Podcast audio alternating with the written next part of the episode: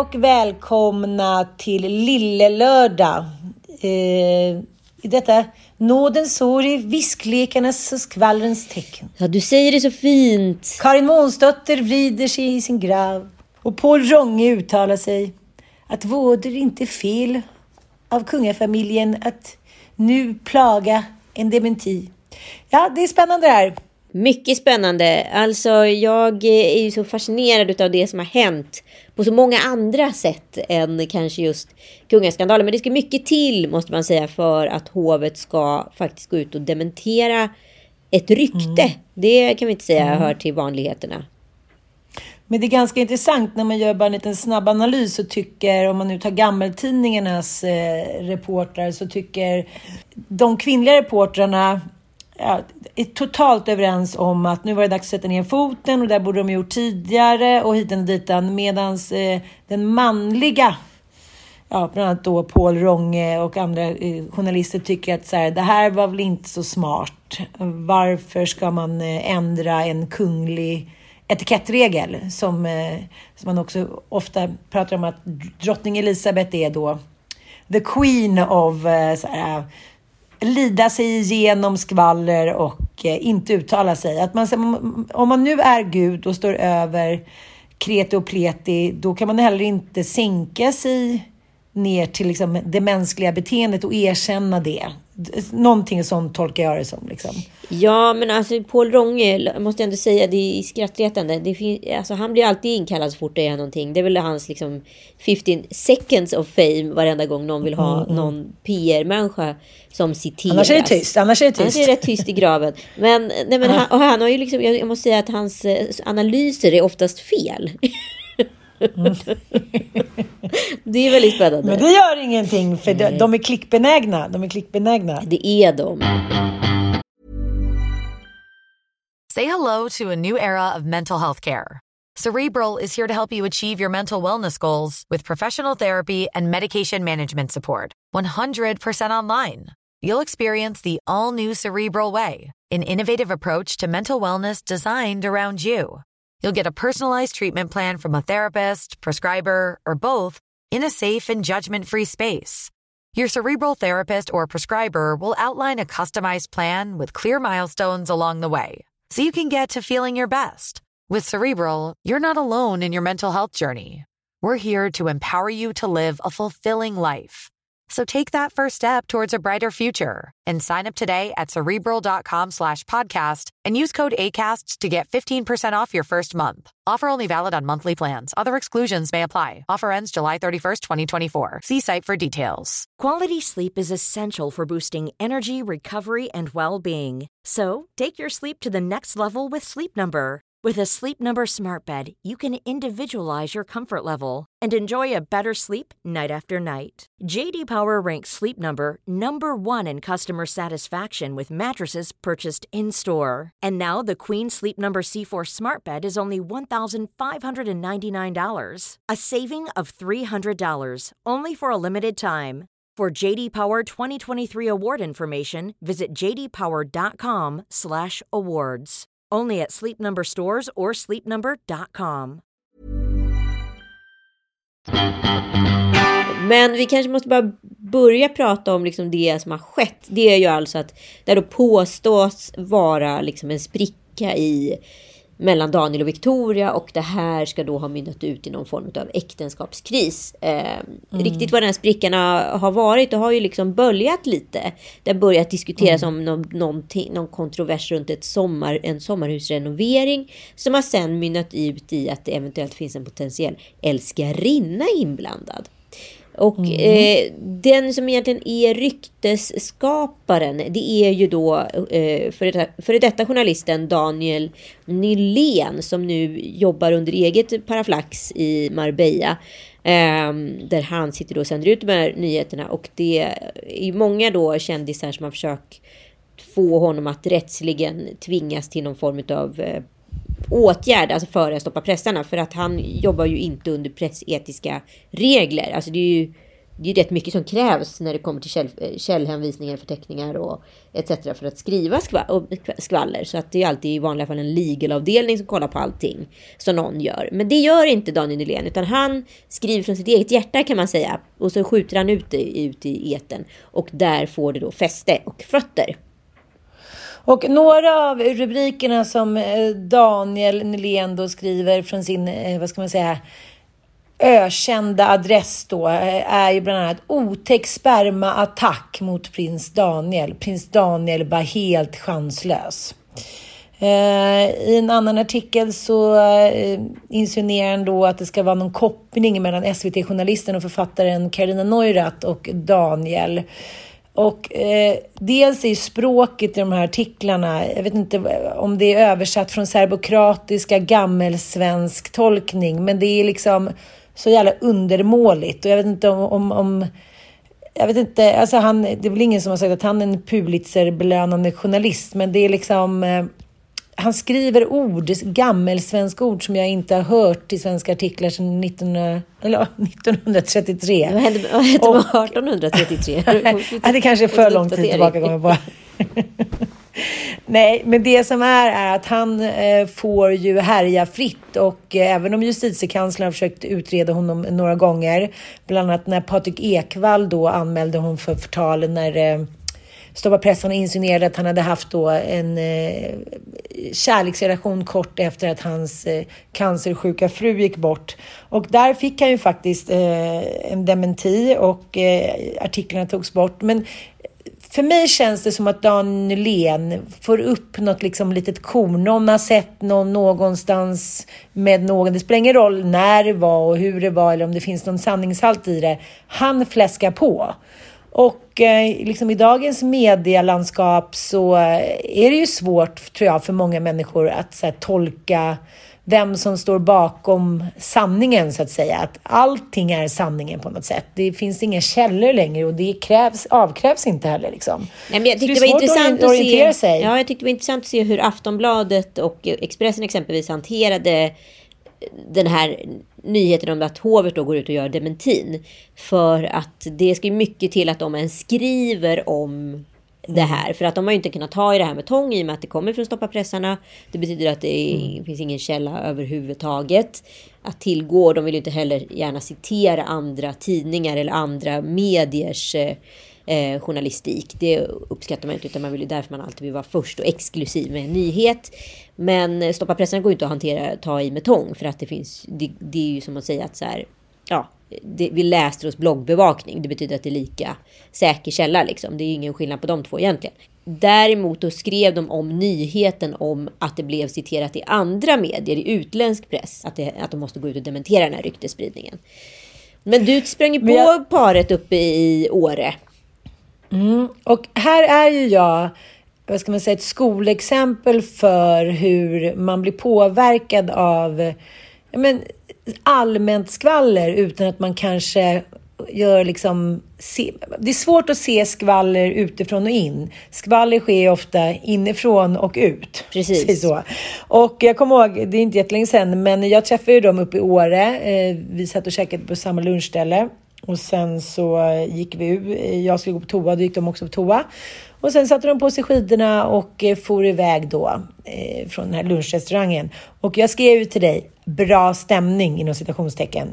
Men eh, om inte jag hade läst det här eller blivit påverkad av det, då hade jag kanske inte alls lagt in någon värdering att jag tyckte att det verkade lite frostig stämning. Så att så här, man ska inte säga att människan står fri från liksom vare sig stoppa pressarna eller någon annan media.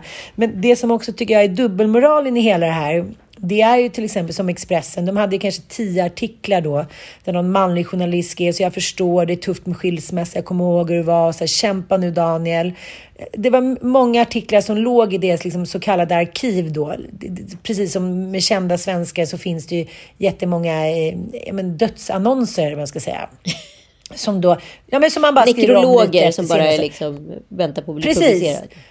Ja, och så kan man liksom fila lite. Så, ja, de kanske hann med en till film eller det, det kanske var en sån död. dit. Så det ligger liksom skelett av såna här Vi vet att gäller. SVTs nekrolog över eh, Ingvar Oldsberg, den klipptes ihop för liksom två år sedan. Och så adderar man Ja, på precis. de sista pusselbitarna och så kommer det vara Ja, ute ja. imorgon. Fast det är en dokumentär som kanske borde ta tre år att göra. Precis, precis.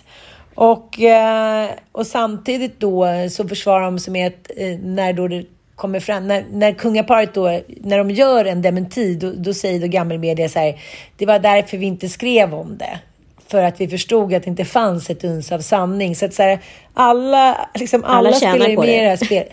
Ja, och alla är liksom som jävla gamar som bara sitter så här hygienfest, hygienafest. Bara så här, när kommer, när kommer det? Så här, så det, det är ju lite obehagligt och det, det är som, jag, som vi har pratat om att det är, så här, det är ju barn som påverkar, som kan läsa eh, och det är ju en shitstorm. Men som Daniel Lehn, det är så här, han, han bara kör på i någon metajournalistik, visar bilder, insinuerar enligt gammal liksom hovhoranklagelse. Det är ingen skillnad på så här, Karin Månsdotter och de som blir utpekade här i någon konstig metajournalistik. Det är så här, man skriver om en sak och så visar man bild på någonting annat. Och när man gjort det tillräckligt många gånger, då ska liksom kret och pleter förstå att så här, det är hen vi pekar ut. Det här är orsaken. Och alla pusselbitar i övrig media läggs till det här så att vi alla ska så här, kunna räkna ut det här intrikata spåret. Vems fel den här inre krisen beror på. Och det är alltid en kvinna. Liksom. Ja, och eh, då ska man också så kunna... Det ska vara så snyggt presenterat så att man ska kunna lista ut det själv. Och då känner man själv då att man bidrar till den här dechiffreringen utav vad som händer i hovets inre kammare. Liksom. Eh, och det här är ju liksom... Ja, vi ska ju bara, vi kanske måste bara backa bandet lite och prata om Daniel Nylén från allra första början. För det är många som inte känner till honom. Ja, men Daniel Nylén han slog ju igenom som den stora unga påläggskalven i slutet på 90-talet, början på 2000-talet. Eh, där han liksom utmanade press, alltså skvallerjournalistiken på en ny nivå. Det här var ju en era som du nämnde som Tom Hjälte eh, var, hade en inne och utelista. Eh, Fredrik Virtanen var en av de kreddigaste journalisterna. Alltså det var en ganska grisig era som vi många gånger har pratat om eh, i den här podden. En av grisarna som fick böka fritt var då också Daniel Nylén. Han var en man av sin tid helt enkelt.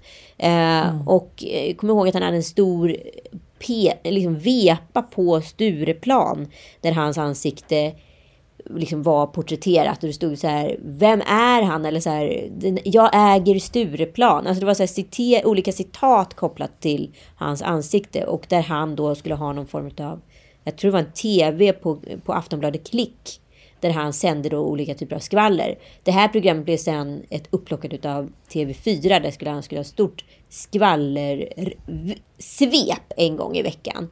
Men efter mycket liksom, problem med liksom, källor och eh, ja, just det här som vi tidigare pratat om.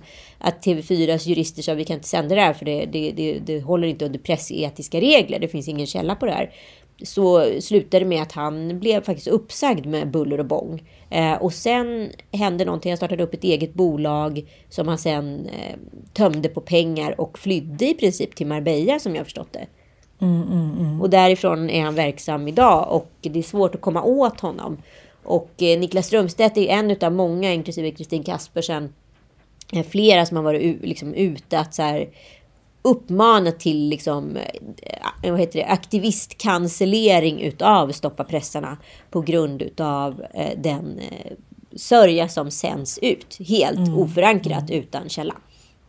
Och eh, här, en annonsbojkott då, är ju många uppmanar till sig. Det är ju många annonsörer som, som säger då att hade ingen aning om att vi ens låg på den där sajten.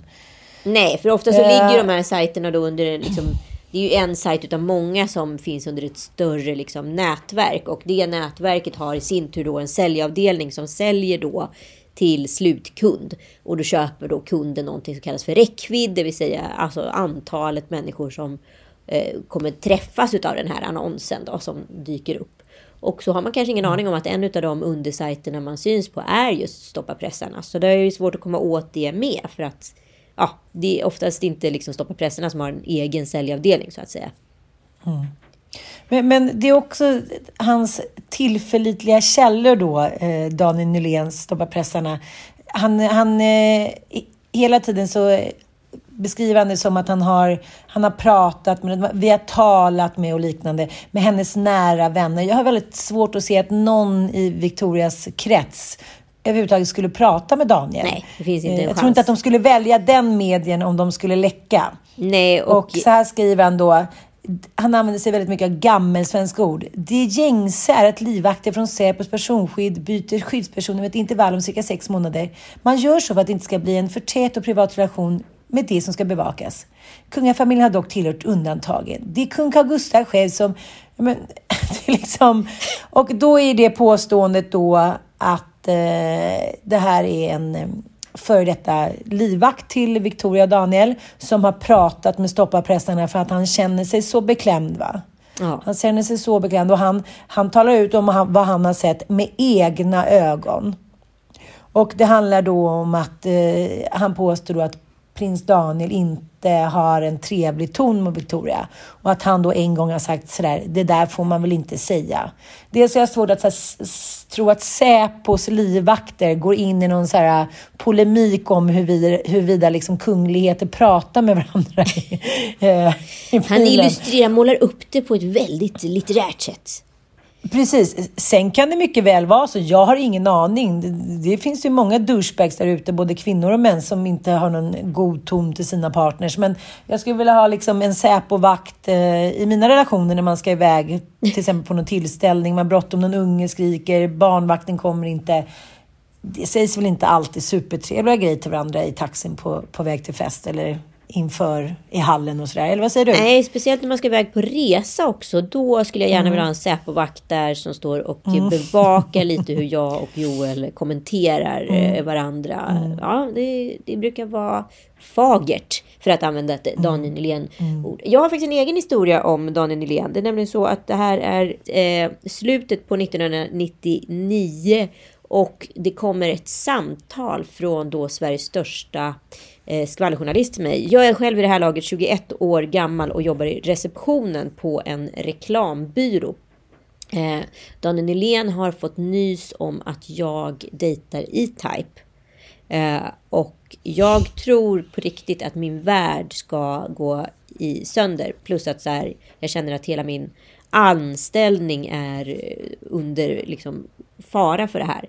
Han, vill, han säger då i samtalet att han tycker att eh, det är bättre att jag gör ett reportage med honom om min affär med E-Type istället för att de ska behöva tvingas använda min körkortsbild. Och körkortsbilden var ingenting jag var stolt över vid den här tiden.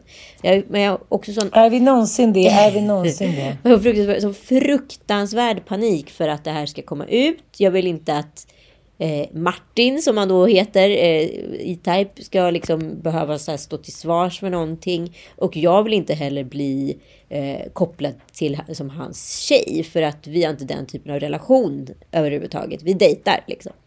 Eh, som tur var känner jag lite folk som känner folk. Så någon omvägar person hör av sig då till Daniel Nylén och säger att detta inte stämmer. Och, och så det slutade i alla fall med att jag aldrig gjorde någon intervju. Och det här blev aldrig någon nyhet för att eh, mi, mina kontakter då liksom löste helt enkelt med Daniel att, eh, att eh, inte skriva om det här eh, över, överhuvudtaget.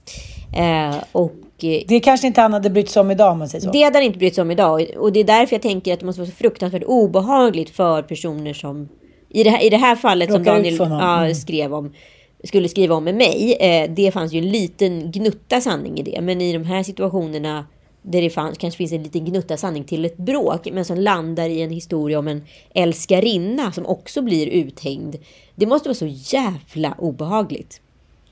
Otroligt obehagligt och också att det är så här, han, han pepprar så hårt. Förstår du vad jag menar? Det är inte liksom någon, en artikel och sen så får det vila lite och han väntar in då hur andra medier ska reagera. Utan så här, han matar, han bara matar. Artikel på artikel. Han sitter där liksom var han nu sitter och liksom randar som man säger på journalistspråk. Och eh, jag kände bara så här, han skiter i om det finns någon sanning bakom någonting. För det är ingen som kan komma åt honom. Och det är väl lite när man läser om gamla kungar eller vad handlar, som får psykotiska drag. De kanske är under press eller stress och så helt plötsligt så sitter de där själva. Ingen speglar dem, ingen kan ifrågasätta dem. Lagen kan inte nå dem. Det krävs ju en lagändring om man ska kunna sätta dit sådana medier som stoppar pressarna. Så att han, eh, ja, men man, man, man kan väl bli lite tokig när man blir envåldshärskare. Det har vi väl sett rent historiskt. Ja, vi ska ju inte spekulera i någonting mm. eftersom Nej. vi inte ska göra en Daniel Nylén. Men eh, jag vet också att det finns en besatthet i honom runt hovet. Han har till och med döpt en av sina hundar för Lippi. Det vill säga som är smeknamnet på Carl Philip. Alltså han har ju alltså han har en personlig besatthet som han överför då han är ju egentligen inte liksom, han har ingen, ingen större bärighet än en person som har en blogg egentligen. Men, och i den, i, under det forumet kan man ju dikta upp vad som helst. Men tillbaka till det vi pratat om jättemycket rörande mm, covid och, eh, och liksom antivax. Att den här, det här informationssamhället med så mycket information, det blir väldigt svårt för den lilla människan att sålla i desinformationen mm. när den är så bred. Mm. Och så många personer uttrycker sig för att vara, sitta på fakta. Mm. Men, men det är ju någonting sensationellt, precis som vi pratade om, att hovet går ut med en dementi. Och eh, om man tittar nu på till exempel Storbritanniens eh, historia så är ju liksom Queen Elizabeth är ju queen av typ quietness. Det är ju hennes liksom devins att man så man håller tyst va, tills det har, stormen har ridit över. Vad det än gäller liksom. Man, man, eh, man sköter sånt till det tysta liksom. Allt bedarrar var det än... Ja, allt bedarrar. Ja. Men vad tycker du? Vad tycker du hade varit rätt eller fel? Sen är det så här, människan når ju till någon gräns när man känner så här, nej men nu får det för fan vara nog. Alltså det handlar ju om den personliga integriteten också, att folk kan bajsa på en så att man ligger liksom i någon shitstorm och typ chippar efter andan och ändå kan folk fortsätta. Men jag, jag tror inte de hade gått ut med en dementi ifall det inte var så att de har barn i skolålder som då mm. blir, kan bli utsatta utav eh, de här typen av frågor från andra barn, indirekt vuxna och så vidare. Så att jag tror att den här dementin var för att skydda familjen. Mm, och mm. jag tror inte man, de skulle kunna prioritera på något annat sätt. Jag kan säga så här, varenda ord i det, där, i det där pressmeddelandet eller dementin som gick upp på sociala medier. Det var väl viktat för att det inte ska gå för långt in. Det ska inte ta ställning, det ska bara stöta bort och liksom lägga locket på. Mycket väl formulerat skulle jag säga. As a person with a very deep voice, I'm hired all the time for advertising campaigns. But a deep voice doesn't sell B2B, and advertising on the wrong platform doesn't sell B2B either. That's why, if you're a B2B marketer, you should use LinkedIn ads. LinkedIn has the targeting capabilities to help you reach the world's largest professional audience. That's right, over 70 million decision makers all in one place. All the big wigs, then medium wigs, also small wigs who are on the path to becoming big wigs. Okay, that's enough about wigs. LinkedIn ads allows you to focus on getting your B2B message to the right people. So, does that mean you should use ads on LinkedIn instead of hiring me, the man with the deepest voice in the world? Yes. Yes, it does. Get started today and see why LinkedIn is the place to be to be. We'll even give you a $100 credit on your next campaign. Go to linkedin.com slash results to claim your credit. That's linkedin.com slash results. Terms and conditions apply. Cool fact a crocodile can't stick out its tongue. Also, you can get health insurance for a month or just under a year in some states. United Healthcare short term insurance plans, underwritten by Golden Rule Insurance Company, offer flexible, budget friendly coverage for you. Learn more at uh1.com. Nej, men jag, jag förstår inte, liksom, det är ingen idé för mig att ens här fråga längre. För att du är ju alltså, du, du kör någon typ av pendlingsliv till Dalarna. Din andra hemvist. Jag visste liksom inte om att, att du och Dalarna var liksom bästisar. Eller fjällen kanske. Dalarna! Dalarna! Har du, alltså, du har ju, du var, nu ska vi se här. Nu är du alltså i Sälen. Ja. Och förra veckan var du i Åre. I Hundfjället. Ja. ja. Och sen var du i Lofsdalen. Ja. Och sen, var, och sen var jag i Lofsdalen. Och sen var du i Lofsdalen. Och sen var jag ju i uh, Orsa Grönklitt. Ja. Alltså en gång i veckan är du i Dalarna. Ja. Jag är så imponerad av jag... din lifestyle. Jag längtar efter mina saknar mina rötter. Nej, jag vet inte. Jag eh, trivs ju väldigt bra i fjällen, måste jag säga. Det är Eh, Gotland och fjällen. Det är en snittmedelklassare med Brommakopplingar. Ja. Det, alltså du är, du Ja, är liksom, det checkar i alla boxar. Men jag, jag har ju varit här eh, och på Gotland långt innan jag flyttade till Bromma, så jag vet inte riktigt om du kan dra den eh, parallellen. Men eh, ja, jag vet Nej, men skulle jag beskriva liksom- en Brommabo så skulle jag säga så här, pendlar mellan, äh, mellan typ fjällen och Gotland. Och, och så la, mellanlandar i Bromma. Och det här har ingenting med dig att göra i ditt befintliga nu. Men nu, nu, nu är det ju liksom alla rätt. Det kan vi säga. Och Är det bra eller dåligt tycker du? Nej, men det är jättebra. Det, det var Ja. fantastiskt. Un, jag unnar dig en sån eh, härlig livsstil. Ja, vad underbart. Eh, men det är ju det som har hänt tycker jag eh, i och med coronan. Så känner, man märker att väldigt många människor känner sig friare i sitt val av att jobba. Ja, gud ja. Det är väl inga, Och- problem. Vi sitter och poddar där uppe. Det är perfekt. Ja, men det är det jag menar. Det, det är så här, att människor har blivit vid sin läst beror ju på att de allra flesta människor för hundra år sedan var jordbrukare eller jobbar i fabrik. Då är det ju väldigt svårt att liksom eh, så här, ah, men jag sitter och jobbar i, jag skalar liksom, jag rensar morötter från Mora. Eh, det är ju liksom svårare. Men, men som journalist har man ju egentligen alltid kunnat jobba där man har varit. Liksom. Men- Men det är bara jordbrukare. Så här, ja, vi lämnar kossan, eh, får, får mjölka sig själv liksom, och djurarna spricker. Så det är ju en, en helt ny värld. Och, men vi lever fortfarande kvar i, i gammeltankar. Liksom. Vi, hjärnan är konservativ. Liksom. Ja, men framförallt så är de flesta människor är väl rätt rädda för förändring. Alltså det är ju ja. läskigt. Vi har ju liksom tutats in i ett samhälle där det ska vara liksom Ja, man får lön den 25. Mm, man, man får sin pension ordnad. Det är liksom det har inte funnits i människans medvetande på samma sätt att man faktiskt kan eh, liksom, ta hand om sin egen låda. Och att så här, det kan generera mer pengar i befintligt bo och det kan också så här, det är inga problem att pensionsspara själv. Det kommer inte ge, ge liksom hö, eh, en, en högre eller lägre avkastning. Det kan bli exakt lika mycket. Eh, Ja. Och det är väl det här som har hänt då med coviden, att folk har börjat så här inse att jag kanske inte behöver bo i Stockholm för att jobba för det här bolaget. Eller ska jag ens jobba för det här bolaget när det finns ett annat bolag lite längre bort som kan ge mig mer utväxling för vad jag vill med mitt liv. Den nya individualismen har ju skapat ett nytt eh, mönster hos människan. Och det är väl det som är the great resignation. The great resignation. Great resignation. The great resignation. Great resignation. The great resignation. Great resignation. The great resignation. Ann, take it away. Berätta för våra lyssnare vad the great resignation är. Okej.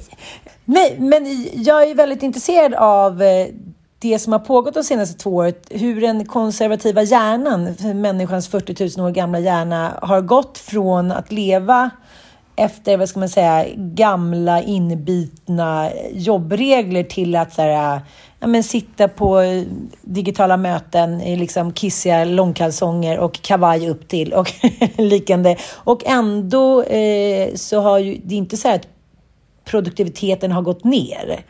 Nej, Så, gud nej. Och det har ju, Nej, nej, nej. Alltså när jag växte upp på 80-talet så fanns det ju någonting som var så här att pappa var konsult. Då satte sig pappa i bilen och så tog han sin resväska och så åkte han så var han borta hela veckan. Och så var han konsult. Han jobbade för sin egen låda. Det var väldigt spännande. Och sen här, var Ja, och vad gjorde pappa det vet egentligen? vi Jag vet inte Det vet vi inte. Konferensknull, Ja. ingen aning. Eh, men hur som helst, sen så hände ju någonting. Arbetslivet eh, stabiliserades. Man säger att liksom, alltså världen såg som bäst ut liksom rent, eh, rent ekonomiskt runt 1989. Men sen började folk röra på sig lite mer. Och det har faktiskt varit så att runt 2005 var det faktiskt en rätt mycket frilansing going on. Och det hä- hänger ihop med att eh, internetrevolutionen och de nya medierna. Sen försvann det här helt bort liksom runt 2008, runt eh, liksom ja, 10-talet. Då var det väldigt inne att vara anställd. Eh, mm. Och sen har det då sakteligen ökat. Och just nu är det uppe på alltså nästan en 20 nivå i USA på folk som har sagt upp mm. sig de senaste Precis. två åren. Mm. I USA till exempel så har ju, här har man ju delat in, ja, vad ska man säga, män, arbetande människor i olika eh, åldersgrupper och kan jäkligt tydligt se vilka som har sagt upp sig. Ja, precis. Dels så har vi ju liksom, om vi drar det åt extremerna, alltså baby boomers, det vill säga de 40-talisterna. De har ju börjat mm. gå i, i, pension. Så det är klart att det, det gör ju såklart ett jättestort eh, avtryck. Eh, men sen mm. så eh, handlar det också om att folk börjar så inse att man kan tjäna mer pengar på egen hand. Jag behöver inte ge bort mm. någonting till ett storbolag och ge någonting vidare till någon chef som ska tjäna pengar på mig. Inte. Här kan jag mm plocka in i mitt eget bolag och på sikt då kanske få ett bättre liv. Eh, Precis. Och sen så eh, mindre invandring eh, har ju såklart också påverkat eh, det här i USA. Men framförallt så handlar det mycket om teknisk innovation och att man inte heller längre känner att man så här är bunden vid en viss stadplats för att kunna jobba. Att the world has been your oyster again. Alltså att vi helt plötsligt kan jobba i Asien men bo i USA eller tvärtom. Vi behöver inte resa i jobbet, vi kan faktiskt göra väldigt mycket hemifrån. Så den digitala revolutionen är ju här och det här är ju första första vi ser utifrån ett AI-samhälle där vi är på väg att kliva in i. Som kommer ske egentligen mm. tänkt då runt 2020 men nu har blivit lite för, för, förflyttat. Men det här är ju första steget. Och AI just utifrån det här betyder ju att människan helt plötsligt tar makten över sitt eget självbestämmande. Vi behöver inte ingå i någon större koncern längre för att kunna eh, arbeta och vara lyckliga. På sikt kanske vi kommer se frilanspoliser och frilanssjuksköterskor. Eh, det kanske inte mm. var så att man behöver vara bunden till ett specifikt eh, distrikt eller sjukhus för att kunna praktisera sin kunskap. Men jag tycker att det här är så jävla spännande. Det var ju eh, eh en professor i USA eh, som heter Anthony Klotz. Mm. Och han förutspådde ju de här massuppsägningarna redan eh, 2020. Och de kallas ju då för The Great Resignation som du sa, men, men också lite så här öknamnet The Big Quit. Just det. Och eh, det är ju eh, främst människor mellan 30 och 45 som har sagt upp sig. Som du sa, 20 procent av eh, USAs befolkning har insett så här, men så här, varför sitter jag här när jag kan leva ett helt liksom, annat liv? Casha in mer, ha mer frihet, jobba liksom kanske 15 timmar måndag, tisdag, onsdag och sen kanske gå ut och hajka torsdag, fredag, lördag. Jag, jag, jag tycker att det är eh, jag, jag, älskar den här utvecklingen och jag har gjort lite research och sitter och kollar på att vi i Sverige också har pratat till exempel om fyra dagars veckor.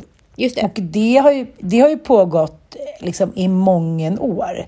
Redan 1971 då så fick eh, fru Jonäng uppdrag att göra en utredning angående fyra dagars arbetsvecka. Motion 1971 754 av fru Jonäng.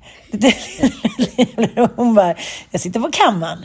Jag tar liksom greppet om, om hela Sveriges befolkning. Så skriver jag en liten utredning om det här. Fru Jonäng. Ja, det var då en motion där man skulle aktualisera om, ja, om det liksom var en bra idé att gå till eh, fyra dagars liksom, arbetsvecka. Men det här var ju en helt annan tid. Det var ju många som fortfarande var jordbrukare. Till exempel. Ja, och samhället var ju inte där på samma sätt som det är idag. Och nu har ju precis då Belgien instiftat mm. att man ska jobba då fyra dagars vecka helt enkelt. För att man tror då på sikt att det kommer då dämpa liksom, eh, psykisk ohälsa, skapa mer livskvalitet, människor kommer orka mer, vi kommer vara lika produktiva, vi kommer inte tappa någonting bara för att vi går ner en dag i tid. De flesta jobbar ju redan som det är en till två timmar mer eh, per dag mm. än vad man ska. Och lägger man ihop det här så slutar vi rätt fort på 40 timmars mm. veckor. Mm.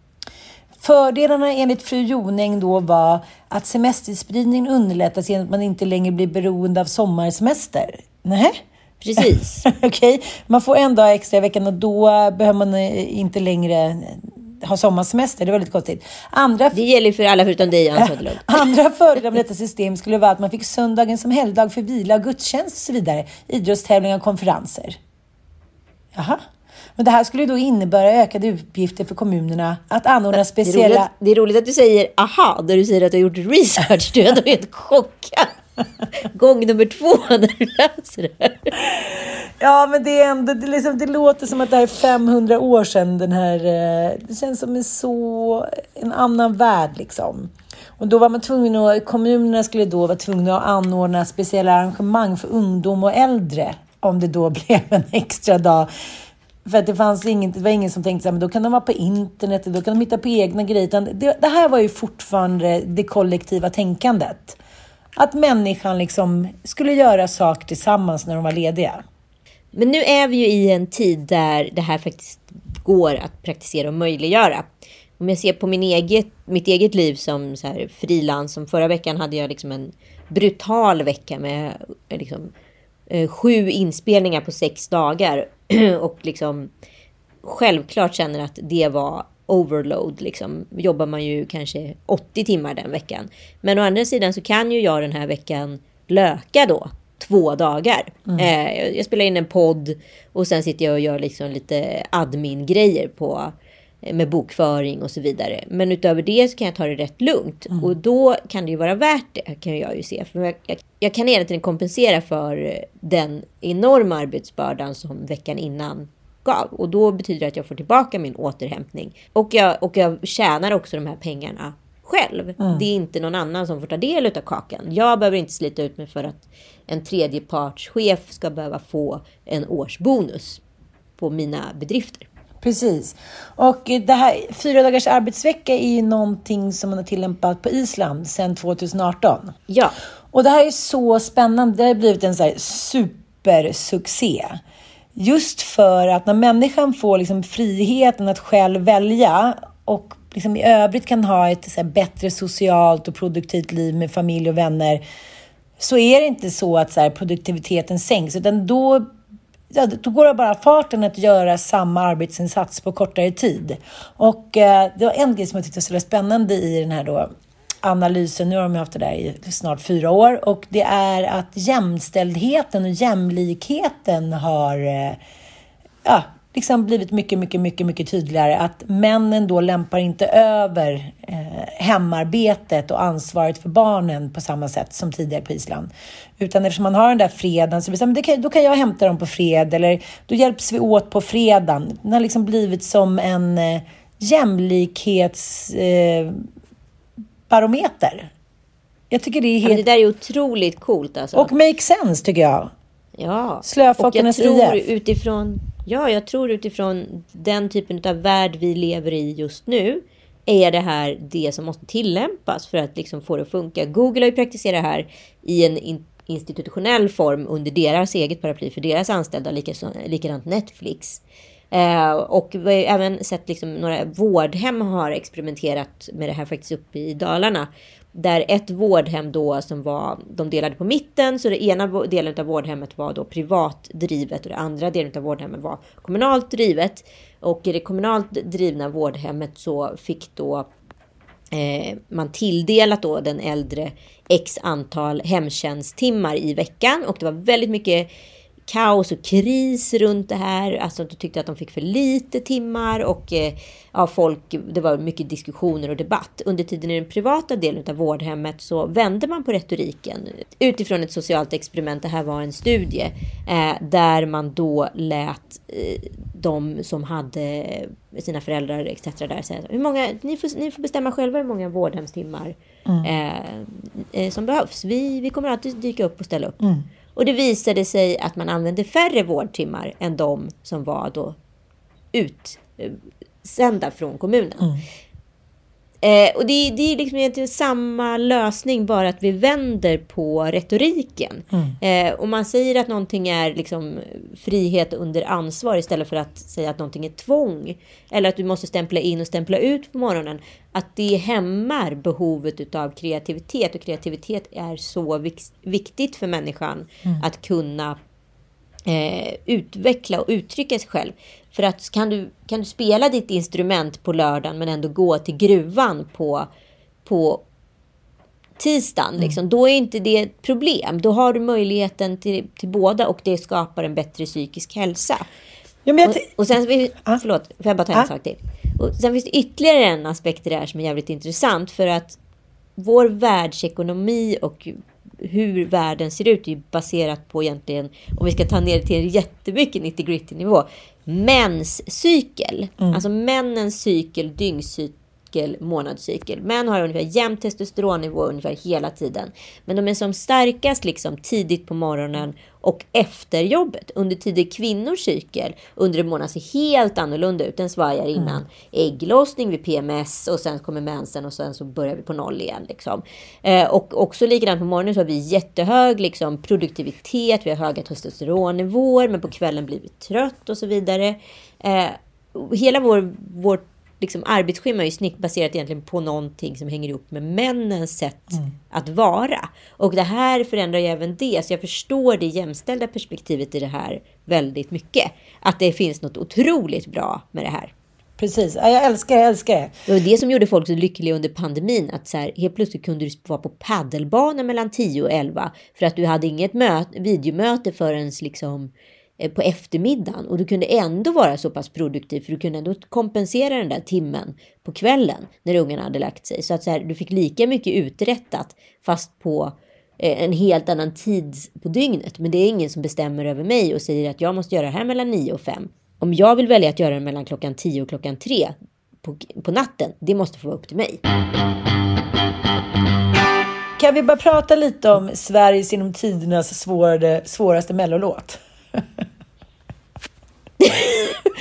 Det är så mycket toner och så mycket höjder och så mycket in och ut i olika liksom... Eh, jag är imponerad. Det var ju två stycken i det här startfältet. Lans Hedman, Graf och Anders Ja. Bagge som man kände sig, men de, de kan ju aldrig ha stått på en scen förut. De stod helt stilla, eh, som att de hade tagit liksom någon form av så här stillastående eh, stilla tablett. Och Vad tänker att du brukar släppa Nej. efter någon minut in nervositeten? det gjorde du ju inte i något av de här fallen. Nej, Och jag, jag, det kan vi konstatera. Men det var också någon form av skjort-VM. Det var mycket skjortor den här gången. Ja, den här gången kunde vi inte direkt klaga på att... Eh, ja, det var väldigt enkelt. Det var en enkel, eh, enkel mode, modescen. Men eh, jag tycker på, jag, jag säger inte att det på något sätt... Jag säger inte med kritisk ton. Jag tyckte det var fint att de stod så på liksom, gammalt söndagsskoleuppträdande, rätt upp och ner. Vilken tur att det inte är kritiskt. Nej, men det, det, jag blir förvånad igen över att den här typen av uppträdande finns av professionella artister efter att jag har sutt- sutt- suttit och kollat på varenda Idol och American Idol och allt vad det nu är, Talang, där människor är så fyra år gamla och framstår som att de liksom är så här Kanye West på scen. Nej, men jag tycker på något sätt att det är uppfriskande. Är du med mig lite? Ja, ja, men jag är med dig lite. Jag är också med. Jag funderar väldigt mycket på var Linda Bengtzings 200 meter av tyll faktiskt var. Ja. Det var just 200 meter av tyll. Det var 200 meter Mm. av tyll, men jag förstod inte. Vad, menar hon att det där skulle vara 200 meter tyll i den kjolen? Ja, men- jag förstår inte.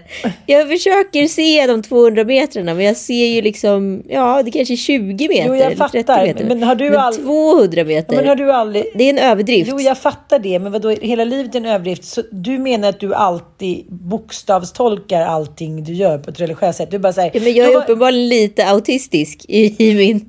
Ja, men man säger så här, vadå, min klänning, liksom, den var, det var typ så här 50 000 pärlor på den. Hon har gått ut i 50 tre pärlor. artiklar och sagt att det är 200 meter tyll och hon har 200 meter extra mycket tyll där bak ifall de där tyllen skulle gå sönder. Bakom kulisserna fanns det 200. Och jag tänkte ju liksom, jag såg ju framför mig att hon skulle springa runt Ja. med massa tyll och slänga på scenen eller att det skulle släppa från kjolen. Men det, jag förstod inte. Vad, vad ska hon med den där extra tyllen till? Vad skulle hon ha gjort med den? Och på vilk, varför skulle det ha, ha gått sönder? Det var ju inte, kanske inte den mest avancerade koreografin. Förlåt. Nej, det var ju verkligen, det, det var spännande. Och hon blir besviken som Ja, vanligt. ja. Det är ju hennes, liksom. Hon är ju lite som Linda Lindorff är varje Kristallengala där hon går ut och skriker fan. För hon aldrig får Kristallen Nej, som har blivit en gimmick nu. Nej, det står alltid en taxi och väntar. Hon är med. Ja, så är hon det. får inte sitt pris. Hon hoppar in i taxin och eh, för sitt liv inte förstå. Linda Bengtzing får börja göra det. Ja, men vi kanske ändå måste lite analysera de deltagarna den här gången. Bara för att vi Ja. vet att våra lyssnare tycker att det är så roligt. Ja, ja, Eh, då kan vi bara prata om Cassiopeia. ja. Eh, den första låten som var liksom ett emo-nummer kan vi säga. Jag tyckte faktiskt att låten var väldigt, väldigt bra. Otroligt bra.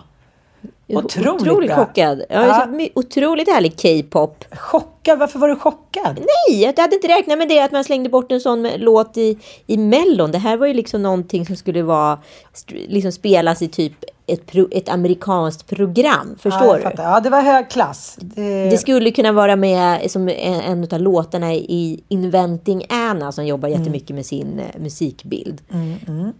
Sen undrar vi ju alla vad Lancelot hade på sig. Han var ju väldigt gullig, men vi undrar vad han hade på sig. Vi undrar lite vad texten handlar om. Micke Persbrandts gamla hawaiiskjorta hade han väl på sig? Hade han inte det? Det hade han ju definitivt. Ja. Eh, Och sen hade vi då den klassiska kvinnan med hatt som har inträtt i Lisa Miskovsky. ja, men vadå? Det, det- är väl mer regel än undantag? Jo, men alltså det kommer ju en viss ålder när alla kvinnor sätter på sig hatt.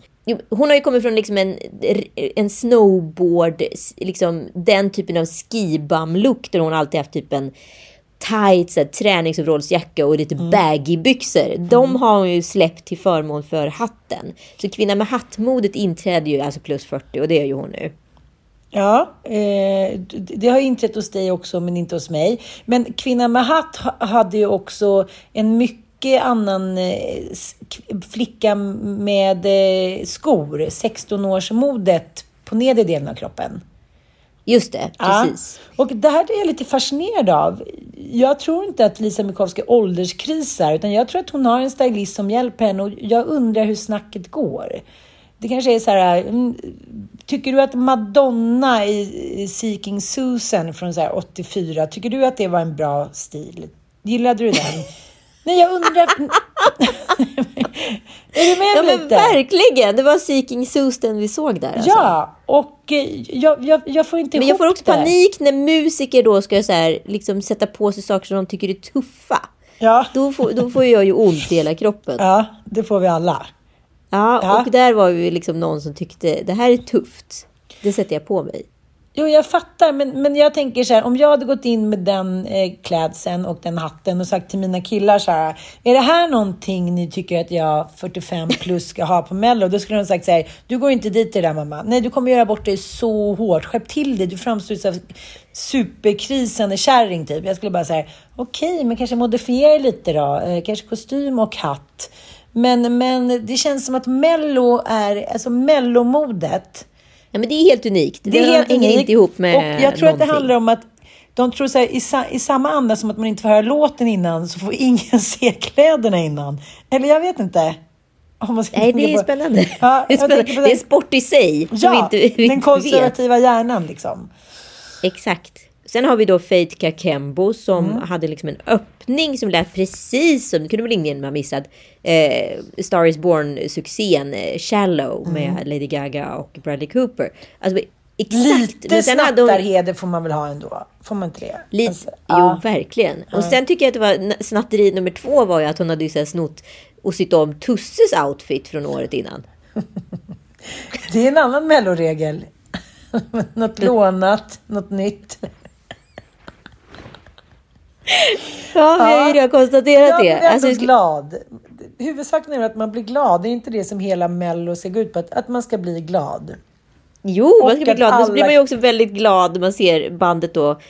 Eh, Tribe Friday som då ska vara någon form av pastisch på Måneskins tidigare succé från året innan. Där man har liksom ett gäng androgyna pojkar. Lite det vi har pratat om, den här nya mannen, den nya toxiska mannen. Som är den här, eh, vad, vad, vad heter det? Sebastian Bach och den typen av rockstjärna var på det tidiga 80-talet. Det här otroligt androgyna, man vet inte riktigt om det är en pojke eller flicka. Och eh, så här metasexuella. Men det var ju bara att det var ju fortfarande med någon så här liten vinplufsig basist med. Som liksom tog bort hela den här liksom Måneskin androgyn-känslan i rummet. Det kanske blir mer kastratkänsla än... eh, androgynkänsla. Jag vet inte. Jag, det blir svårt. Det blir svårt. Jag, Det jag blir I svårt. Och rest sen my kommer då- case. I rest my Ja, men sen blir man ju ändå väldigt glad när man ser Anders Bagge i sina väldigt brunfärgade ögonbryn och skägg. Jag undrar, alltså jag kan inte sluta fundera på, han måste göra det här hemma, för annars måste det ju färgas. Annars måste han vara på någon hårsalong hela tiden. I, Johanna är väl duktig med, skön, med skönhetsprodukter och liknande. Det, det är tror jag. hon som får rycka in. Det tror jag, det tror Just jag. det. Eh, jag. Jag tycker, han har ju en gudabenådad röst tycker jag. Helt otroligt. Helt otroligt. Och han har ju väldigt dåligt självförtroende och dålig självkänsla som han själv har sagt. Fast och, jag börjar nästan tänka mig att det är liksom en del utav strategin nu för att lyckas. För man tycker synd om en man som tycker synd om sig själv. Nej men som står för att han... Jag bara tänker lite på min pappa. Han, han, han köris. Han hade hellre liksom, han var väldigt duktig i sitt yrke, men han hade inget problem att sänka sin manliga gard i att säga, Ako, du måste natta mig. Ako, alltså i det där att man, att man inte i det sin manliga syn på sig själv så finns det en carte blanche. Okej, Och, den, jag och den kan man menar. nyttja, som han sagt, att Johanna måste sitta längst fram till höger, där känns hon trygg. Hundarna måste finnas nära. Han, har liksom, han är som en diva, fast med Nej, liksom... men han, han har träffat den rätta frun. Jag satt ju nämligen precis eh, bakom själva jurybåset då på Idol. Så jag hade liksom Bagge lite snett till höger om mig. Liksom. Mm. Och där då satt Johanna några stolar liksom bortom mig. Och hon var ju uppe hos Bagge hela tiden och chitchattade med honom i varenda litet aktbrott. Mm, Eh, så han, han jag, jag, kan inte skriva utan Karin. Sa väl Tob. Trots att han var ute och knullade halva världen. Men han var tvungen att ha sin Karin där. De liksom, kvinnorna plockas in. Det är många kvinnor som har funnits där vid mäns, stora framgångsrika mäns eh, psykiska ohälsa och depression. Om man säger så. Eh, jag absolut. tänker på Karin Månsdotter. Denna eh, enkla eh, kvinna av folket som gifte sig med Erik den 14. Eh, de hade redan två barn innan eh, hon kallades ju in då som 14-åring att bli eh, Eriks älskarinna.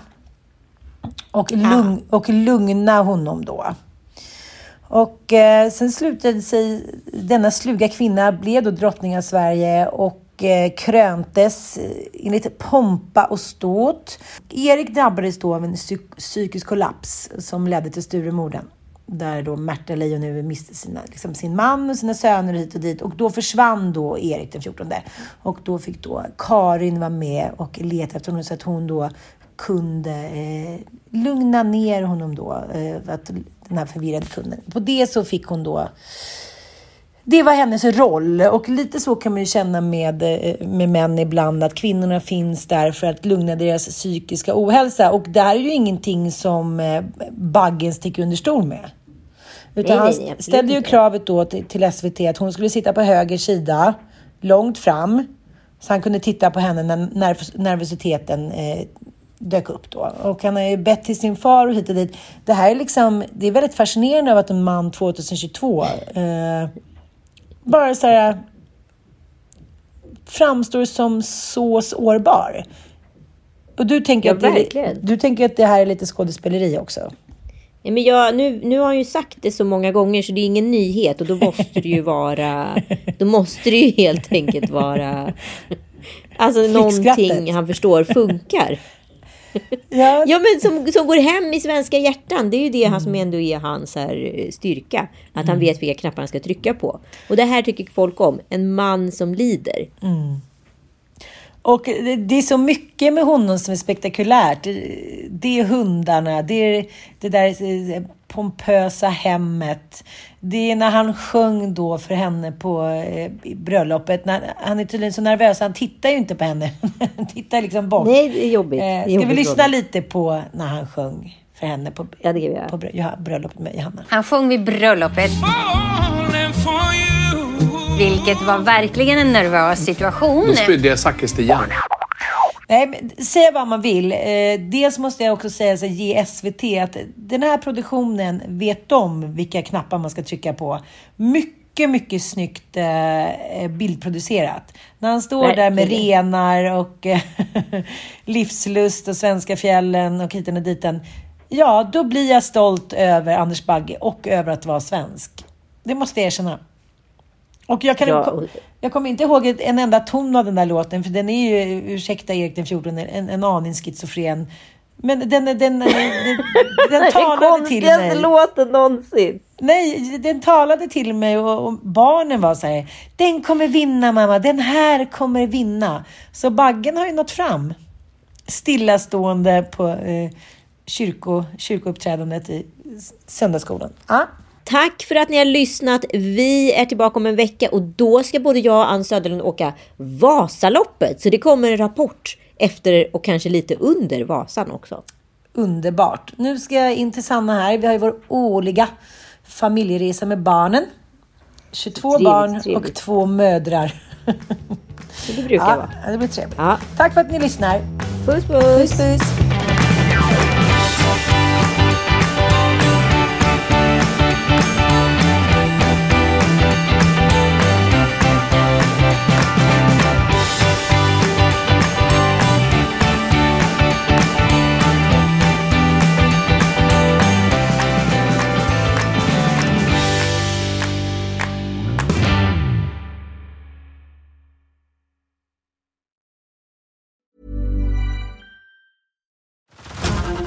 To Hulu this March, where our new shows and movies will keep you streaming all month long. Catch the acclaimed movie All of Us Strangers, starring Paul Mescal and Andrew Scott. Stream the new Hulu original limited series We Were the Lucky Ones with Joey King and Logan Lerman. And don't forget about Grey's Anatomy. Every Grey's episode ever is now streaming on Hulu. So, what are you waiting for? Go stream something new on Hulu. Hi, I'm Dory Shafrir, And I'm Kate Spencer. and we are the hosts of Forever 35. And today we're talking about Club Med, the best all inclusive getaway for families. Today, Club Med has nearly 70 resorts worldwide, from beachside resorts in the Caribbean and Mexico to magical locations in the Maldives and Morocco to ski resorts in the mountains from Canada to the Alps. Between their all inclusive family programming, wellness offerings, land and water sports, and their French heritage inspired food and drink offerings, Club Med is the best way to elevate your family getaway, no matter which location you're at. To learn more, visit clubmed.us.